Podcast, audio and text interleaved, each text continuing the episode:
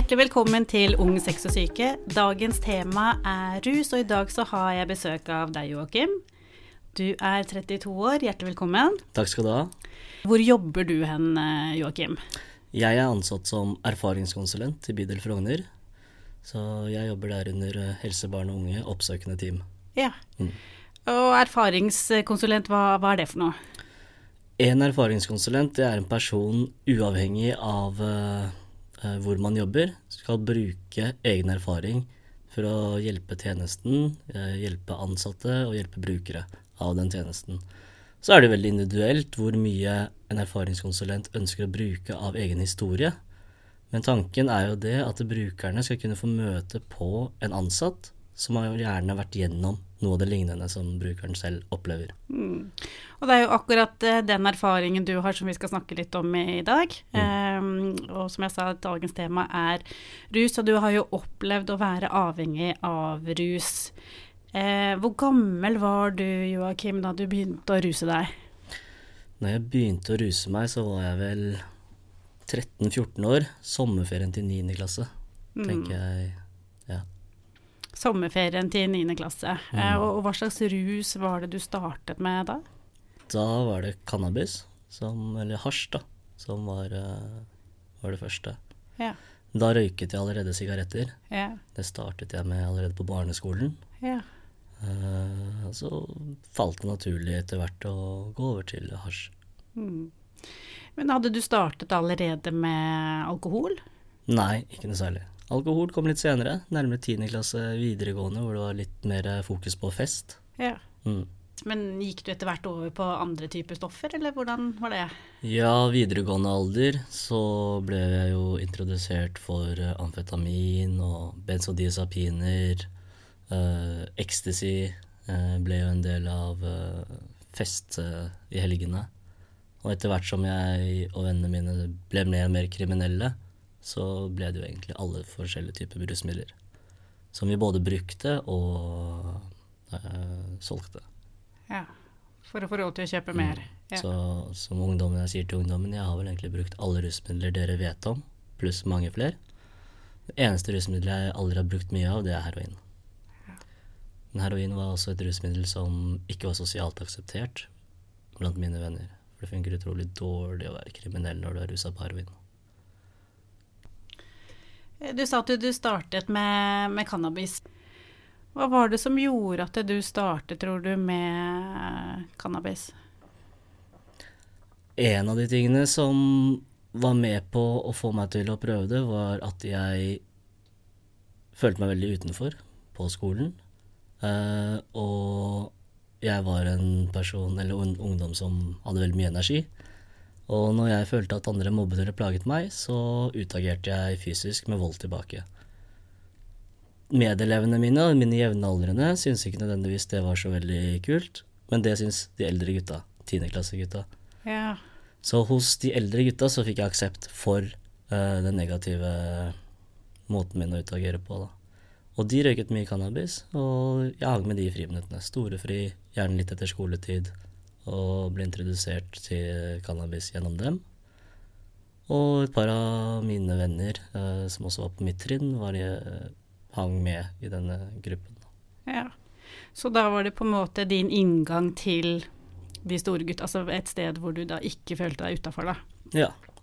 Følelsen av tilhørighet. Det var jo det som var faktoren som gjorde at det, det var greit. Jeg tenkte jo ikke på konsekvenser som eh, 13-14-åring. Mm. Men når man har gått store deler av livet og følt seg annerledes, følt at man ikke passer inn, lurt på hvem er jeg, hvor skal man, stilt alle disse normale spørsmålene som kanskje veldig mange ungdom stiller seg i ungdomstiden. Mm. Men for meg så var det et veldig, veldig stort tema i barndommen. Mm. Uh, sånn at uh, når jeg da plutselig følte at jeg fikk aksept, så var det de jeg ville være med. Og jeg visste jo at de gjorde ting som kanskje ikke er, var bra for meg. Men allikevel så var det de jeg anså som mine venner, for de aksepterte meg for den jeg var. Kontra å irettesette meg eller si at det kan du ikke, eller det får du ikke gjøre, eller det er ikke greit. Mm. For du har jo vokst opp mer på vestkanten enn på østkanten. Mm. Ja. Eh, hva var, det du, hva var det som gjorde at du følte deg så utafor, eller var, at du ikke fikk noe aksept? Uh, Jeg er adoptert eh, fra Filippinene og kom til Norge som 13, 13 måneder gammel. Og vokste opp i et område i Oslo og gikk på skoler som var eh, dominert av eh, hvite barn. Jeg så ikke på meg selv som annerledes pga. hudfargen min, men av og til så ble jeg påminnet det av eh, de andre barna. Mm. Så jeg følte liksom veldig tidlig at jeg var annerledes, selv om jeg ble inkludert. Jeg hadde mye venner, jeg manglet ingenting i oppveksten. Hadde en familie som uh, ga meg alt jeg trengte, så det var ikke noe galt sånn sett. Men jeg hadde et savn, jeg hadde et ønske om å føle meg lik alle de andre. Mm. Og når man, jeg begynte på ungdomsskolen, så kjente jeg enda mer på det presset. Som veldig mange ungdom i dag også snakker om. Karakterpresset, klespresset, presset om å være med i de riktige gruppene og være kul nok, eller være invitert til de og de tingene. Og det kjente jeg også på. Eh, Men da var jeg allerede ganske Hadde tatt et valg om å ikke være som alle de andre. Jeg drev med hobbyer som var helt annerledes. Jeg danset. Det var det ingen andre som gjorde. Fordi jeg danset hiphop, så valgte jeg en helt annen klesstil. Jeg gikk ikke i KJ-jakker, Canada Goose, eh, de dyre merkeklærne. Jeg gikk i dyre merkeklær, men jeg gikk i helt andre typer merkeklær. Eh, så allerede der, når du så meg i skolegården, så så du en elev som ikke passet inn. Mm. Og det gjenspeilte jo også hvordan jeg egentlig følte meg inni meg. Så når jeg da fikk aksept eh, blant disse eldre guttene, så var det de jeg valgte å være med. Og blant de jevnaldrende som også aksepterte oppførselen min. Mm. Og så begynte du med, med cannabis. Når var det det begynte å øke på eh, Mange bruker jo kanskje rus som en virkelighetsfrukt, eller for å føle seg bedre, eller ja Hvordan var det for deg? I starten så var det jo bare noe som var spennende. Vi visste jo det ikke var lov.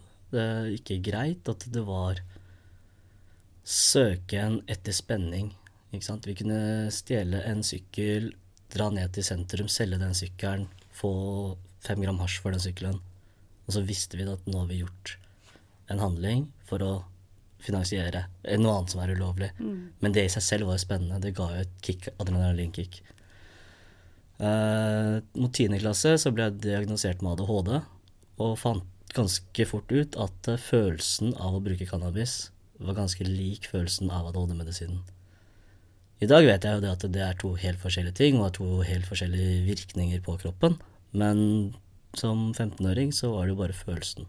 Følelsen av å bli rolig, det ga begge deler meg. Både cannabisen og medisinen. Så tenkte jeg hvorfor skal jeg bruke ADHD-medisin når jeg liker cannabisen bedre? Mm. Men når var det du begynte å merke at rusen ble et problem, at du kanskje begynte å bli avhengig? Tiende Tiende klasse. Igjen så oppdaget jeg at jeg var annerledes. Jeg husker jeg og en eh, kamerat satt ute og røyket en joint. Mandag-tirsdag. Så sa vi til oss selv vi venter til helgen før vi røyker igjen. Når han dro hjem, første jeg gjorde, det var å røyke på nytt. Husker jeg satt mens jeg røyka og tenkte hvorfor røyker jeg nå? Og dagen etterpå så kom jeg på skolen, og så løy jeg til han. Så sa jeg nei, jeg har ikke røyka, jeg skal vente til helgen. Da skjønte jeg at hvorfor klarer ikke jeg å vente til helgen? Hvorfor klarer han det? Og hvorfor må jeg lyve om at jeg ikke har røyket? Ja, han er bestekompisen min. Han blir ikke sur på meg om jeg gjør det, eller sur i det hele tatt. Så hvorfor lyve? Hvorfor holde det skjult? Ja. Da skjønte jeg at det, det, må være noe, en grunn til det. Men jeg visste jo ikke at det var fordi jeg var kanskje på vei til å bli avhengig. Kjente du på noe skam da i forhold til at du ikke fikk til å vente, eller hvordan var det? Ja, jeg ble nok litt flau, litt skamfull over det. Men igjen så hadde jeg jo følt at jeg opplevde så mye i gåstein urettferdighet da, i barndommen eh, gjennom å bli mobbet og slikt, at det, jeg hadde en mental met måte å rettferdiggjøre ting jeg gjorde. Mm. Men hvordan merket familien din at du hadde et rusproblem, da? Eller, og hvordan reagerte de? Uh, familien min, de skjønte det vel egentlig, men ville ikke konfrontere meg uh, med det. Uh, når jeg kom nærmere 10. klasse videregående alder, så var vi veldig åpne i familien min om å snakke om dette med fester, alkohol. Familien min var veldig tydelig på at uh, uansett hva du gjør, så er det alltid trygt å komme hjem. Du kan alltid komme hjem uansett, du skal ikke kjefte, osv. Så, videre. så vi hadde en veldig fin dialog rundt det. Og det gjorde at når jeg var 17-18 år, eh, turte å fortelle det til familien min. På ca. bursdag ja, rundt bursdagen min, 17-18 år, så kom jeg til foreldrene mine og så sa jeg at si til alle andre i familien at jeg ikke vil ha penger til bursdag eller jul. Fordi jeg har dårlig samvittighet fordi jeg bruker alt på hasj. Ja. Så det var på en måte måten de fant ut av det på. Ja. Og da hadde du røykt hasj i tre-fire-fem år, da? Ja, altså ja. fra niende klasse til første videregående, andre videregående ish, da, ja. ja. Eh, og så vet jeg jo det er mange som eh, kan synes det er vanskelig å komme seg ut av en rusavhengighet. Eh, og jeg blir litt sånn nysgjerrig på hvordan du klarte det. Mm, som sagt, jeg er adoptert. Uh, det har mye med de holdningene og verdiene som foreldrene mine ga meg. Jeg skjønte jo ikke det som barn, men jeg ser det nå som jeg er blitt voksen. Og jeg hadde alltid et større ønske det var Verken jeg eller vennene mine hadde et ønske om å bli avhengige. Ingen av oss hadde et ønske om å bli kriminelle. Det var aldri en del av planen. Når vi var tenåringer, vi skulle bare løpe rundt, ha det gøy, dra på fester, flørte med jenter. Og rusen var en del av det. Av pakka. Så jeg drømte jo alltid om at når jeg blir voksen, så skal jeg ha kona, jeg skal ha barn, jeg skal flytte ut av Oslo, jeg skal ha hest i hagen. Det var drømmen min. Det har alltid vært min drøm. Og plutselig så lever jeg en livsstil som bare er trist, negativ og skummel. Og jeg ser at den drømmen jeg hadde som barn, den er så så langt unna. Men hva kan jeg da gjøre for å få tilbake drømmen min? Vennene mine sa alltid at jeg, du er kjempedårlig på å være rusmisbruker. Hva mente og, de med det? Fordi jeg rusa meg altfor mye. Jeg var kjempedårlig til det. Jeg, ikke, jeg, klarte ikke å styre økonomien min, så jeg klarte ikke å forvalte pengene mine utover måneden til å ha rus nok i hele måneden, f.eks. Så jeg endte opp med å låne penger på slutten av måneden for å ha råd til å ruse meg. Så jeg var en dårlig rusmisbruker. De sa du er en dårlig kriminell, fordi du bruker jo opp alle de rusmidlene du egentlig skal selge. Du har for mye empati og kjærlighet til andre mennesker, selv fremmede, så vi kan ikke ha med deg på et væpna ran. Du syns jo synd på offeret. Vi kan ikke ha med deg på smugling, for du er rusa 24 timer i døgnet. Går ikke an å gå gjennom tollen med deg. Så jeg hørte veldig ofte fra vennene mine at ja, den livsstilen jeg hadde valgt, jeg var ikke flink på den heller. Og plutselig igjen kjenner jeg på utenforskap. Og så, som du er i de fleste actionfilmer for eh, de slemme, det går dårlig. Du blir tatt til slutt. Og det gjorde jeg. Jeg ble tatt. Jeg endte opp eh, med å måtte sone en fem måneders dom. Og under soning så ble jeg jo rusfri. Jeg brukte ikke rusmidler under soning. Så jeg husker jeg ringte gutta og så sa jeg at når jeg kommer ut igjen, så har jeg lyst til å prøve noe nytt. Jeg føler at jeg er en gammel mann. Jeg føler jeg har vært verden rundt, sett og gjort ting som andre mennesker går hele livet uten å, opp, å ja, oppleve. Så jeg tenker at jeg skal prøve det siste på lista, og det er å leve A4-liv. Og hva innebærer et A4-liv for meg? Jo, det er jobb, stabil inntekt, stabilt liv uten russ. Ingen av guttene som var imot det. Ingen av guttene. Alle sa bare ja, kjør på, gjør det som er riktig for deg, lykke til. Mm. Og disse vennene, det var da venner som da var i rusmiljøet, ja. ja. Sånn at du måtte da prøve å finne deg en helt ny mm. vennekrets? Mm. Ja. Det er det som er fint med systemet i Norge i dag. Det er at systemet er der om man ønsker det eller trenger det. Uansett om vi har et brukket bein eller om vi ønsker å slutte å ruse oss. Jeg ringte fastlegen min jeg satt i fengselet og sa jeg vil på rehab. To uker senere ringer hun tilbake eller sender brev til fengselet, og så står det at jeg har fått rus, eh, behandlingsplass når jeg kommer ut av fengselet. Så jeg dro direkte fra fengsel til eh, rusbehandling og var der i tre måneder. Og ja, nå glemte jeg spørsmålet ditt, men Ja, Men da fikk du Det glemte jeg òg nå. Men eh, altså det som støttet deg da eh, Du sa det er jo da vennene Ja. dine sa jo at bare, bare gjør det, Mm. kjør på. Mm. Eh, og så tok jo du da et valg, Mm. rett og slett. At du ønsket også å komme bort fra det. Mm. Det eneste måten jeg kan gjøre det på, er et A4-liv. Mm. Og så klarte du å ta kontakt med fastlegen, og da Mm. sørge for at det var en Mm. mulighet da når du kom ut av Mm. fengselet. Sammen med gode sosialarbeidere på Nav inne i fengselet og med hjelp fra fastlege, så fikk jeg hjelp til å få behandlingsplass etter endt soning. Og under soning så var det jo liksom da det gikk opp et lys for meg. For jeg kom inn med en tanke eh, nei, til behandling at jeg skal slutte med kriminalitet, men jeg vil ikke slutte å ruse meg. Det var aldri noen som sa noe imot det. Hele tiden så sa de bare å ja, ok. Men gjennom behandlingsopplegget over de tre månedene jeg var der, så begynte jeg å forstå at det hang sammen. Ok, jeg må, kan ikke ha det ene uten det andre. Det går ikke. Så må jeg ta et valg. Bestemme meg. Vil jeg leve uten det? Så måtte jeg tenke over det. Og det var egentlig et ganske enkelt valg for min del, fordi de årene jeg var levde et liv i rus og kriminalitet, hadde ikke gitt meg noe. Ikke noe økonomisk gevinst. Ingen sosial status. Ikke noe annet enn negativitet. Kroppen min hadde forfalt, var dårlig fysisk og psykisk sann.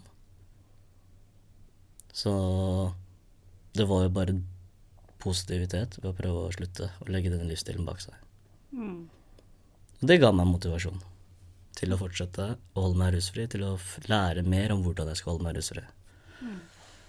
Men som du sier, så er jo dette med nettverk er jo kjempeviktig når man ønsker å komme seg videre. Og jeg uh, var heldig og havnet i et selvhjelpsprogram uh, som jeg benyttet meg mye av de første årene. Mm. Og så hadde du familie da som støttet deg videre. Ja, familien min og jeg hadde jo gjennom de årene jeg hadde ruset meg, hadde jo mistet mye av den relasjonen vi hadde. Eh, vi snakket veldig lite sammen, og det hadde vært mye konflikt både med meg og foreldrene mine og meg og resten av storfamilien. Sånn at uh, foreldrene mine hadde jo ikke noe tro på meg. Og det fikk jeg klar beskjed om. Vi har ikke noe tro på at eh, Joakim skal klare å bli rusfri. Og da gikk det en sånn liten djevel inn i meg og tenkte bare sånn Hva faen er det dere sitter og sier til barnet deres? Jeg skal vise dere det motsatte. Ja, Ja. jeg skal motbevise dere nå. Så jeg var klar. Og jeg sa det til dem. Jeg er klar. Jeg tror nok vi kommer til å bruke fem til ti år, og det kommer til å bli en skikkelig motbakke for meg, men jeg tror at over tid så kommer vi til å få tilbake den gode relasjonen. Fem til ti år, det var det jeg var forberedt på. Det tok ca. to år. I dag kan vi sitte sammen i flere timer, klemme hverandre, le sammen, ha det gøy, spise middag, lage mat, gå ut og spise. Eh, ha det kjempefint, som en familie. Både jeg og foreldrene mine, og hele storfamilien. Så på det tidsperspektivet jeg lagde meg, så igjen da viste jeg for meg selv at ja, jeg er veldig flink på å krisemaksimere. Så for meg fem til ti år, det tok to år. Ja. Hva slags forhold har du til rus i dag? Det er et spørsmål jeg ofte får. Jeg pleier liksom å flåsete å svare det har jo ikke forandret seg, jeg elsker rus. Men som jeg ofte sier til ungdom da, når de spør også om det, så sier jeg hvis du er et kjærlighetsforhold, og partneren din og du har det kjempebra, men en gang i måneden så kommer partneren din hjem og grisebanker deg så du nesten dør, er det verdt det? Er de 29 andre dagene eller 30 andre dagene i måneden verdt det, når det en dag er et levende helvete? Du elsker fremdeles partneren din. Men det er kanskje best å komme seg videre, finne et nytt forhold. Sånn er rus for meg. Jeg elsker rus, men jeg kan ikke være med rus. Jeg har god kontakt med vennene fra det gamle miljøet. Snakker sammen ofte, men jeg er ikke fysisk med dem. Eh, Det er en veldig sterk historie du forteller, Joakim. Eh, jeg tenker at hvis det er noen av lytterne våre nå som hører på og tenker at de kanskje har et problematisk forhold til rus, da, at de kanskje begynner å kjenne på den avhengigheten som du satt og kjente på når du gikk på ungdomsskolen, hva har du lyst til å si til dem? Det finnes hjelp. Det finnes mange, mange gode personer man kan ta kontakt med, snakke med. Det er helsesykepleiere ute på skolene. helsestasjonen eh, i bydelen din, eh, fastlege, læreren din kanskje, hvis du har god relasjon med læreren din og stoler på læreren din. Første steget til å få hjelp, det er å si 'jeg trenger hjelp'. Ingen kan lese tankene til en annen. Så hvis du har det vondt, eller har et eh, problem, så må du fortelle det til noen. Hvis ikke så fortsetter vi bare å gå med en maske og fortelle verden at 'jeg har det bra'. Og alle som har opplevd noe vondt, eller kjent på eh, vonde følelser, vet at det, det blir ikke bedre av å si høyt 'jeg har det bra'. Så vi må være ærlige overfor oss selv, innrømme utfordringen og tørre å spørre om hjelp. Mm. Og som sagt, det finnes hjelp å få. Det finnes mange mennesker som vil, mm. vil hjelpe. Anerkjenne at man har et problem. Mm. Ja. Og hvis man går til fagpersoner som helsesykepleier på skolen, hun, har, han, hun eller han har taushetsplikt, så det skal være trygt å gå til disse voksenpersonene med utfordringene, uansett om det er rus eller psykisk uhelse. Så det som motiverte deg mest for å komme ut av det, var et ønske om å leve et helt annet liv enn det du var i. Ja. Mm. Og troen på deg selv at dette kom du til å klare. ja. Jeg fikk jo etter hvert gjennom soning og behandling tilbake troen på meg selv. Og det var veldig rørende de to første ukene under behandling, og jeg kom inn der og ligger egentlig hver kveld og gråter og gråter og gråter, og spør meg selv disse menneskene som jobber her, er helt fremmede mennesker. Men av en eller annen grunn så føler jeg at de har troen på mitt menneskeverd, når jeg ikke har troen på mitt menneskeverd. Det var veldig rørende. Da tenkte jeg bare sånn, hvorfor, har, hvorfor gjør de det? Hvorfor er de sånn? Her kommer de sikkert inn mange hundre pasienter i løpet av et år. Så skal de stå der og tro på meg, eller tro på oss som pasienter. Som bare selv føler at vi har rota til alt. Ødelagt alle relasjoner og ødelagt oss selv. Og ikke har vært noe som helst. Sånne mennesker fins, da. Når du møter sånne mennesker i behandlingssystemet eller hjelpeapparatet, så kan det bidra til at man får tilbake den gnisten, viljen til å leve, og tanken om at ja, jeg er verdt noe, jeg også. Og det er jo alle. Mm. Nå er jo du blitt en person som hjelper andre også. Ja, og det syns jeg er veldig gøy, da, at jeg kan bruke aktivt mine livserfaringer i møte med barn og ungdom, Uh, og få lov til å kunne dele av min historie, kunne være den som står ved siden av ungdommene når de går gjennom noe vondt. da. Så er jo det som er fint med stillingen min, det å være erfaringskonsulent, at når en ungdom kommer til meg, de kan ikke si til meg 'du vet ikke hvordan jeg har det', for det vet jeg. Og når jeg da deler, deler av min historie med dem også, så skjønner de at 'å ja, han vet'. Så jeg sier alltid til ungdommene 'jeg er her for å hjelpe deg'. Jeg er villig til å flytte fjell for deg, men ikke prøv å bullshit meg. Jeg lukter om du vil prøve på noe tull. Tusen takk, Joakim, for at du kom til oss. Og husk at det alltid er mulig å få hjelp. Takk for at jeg fikk komme.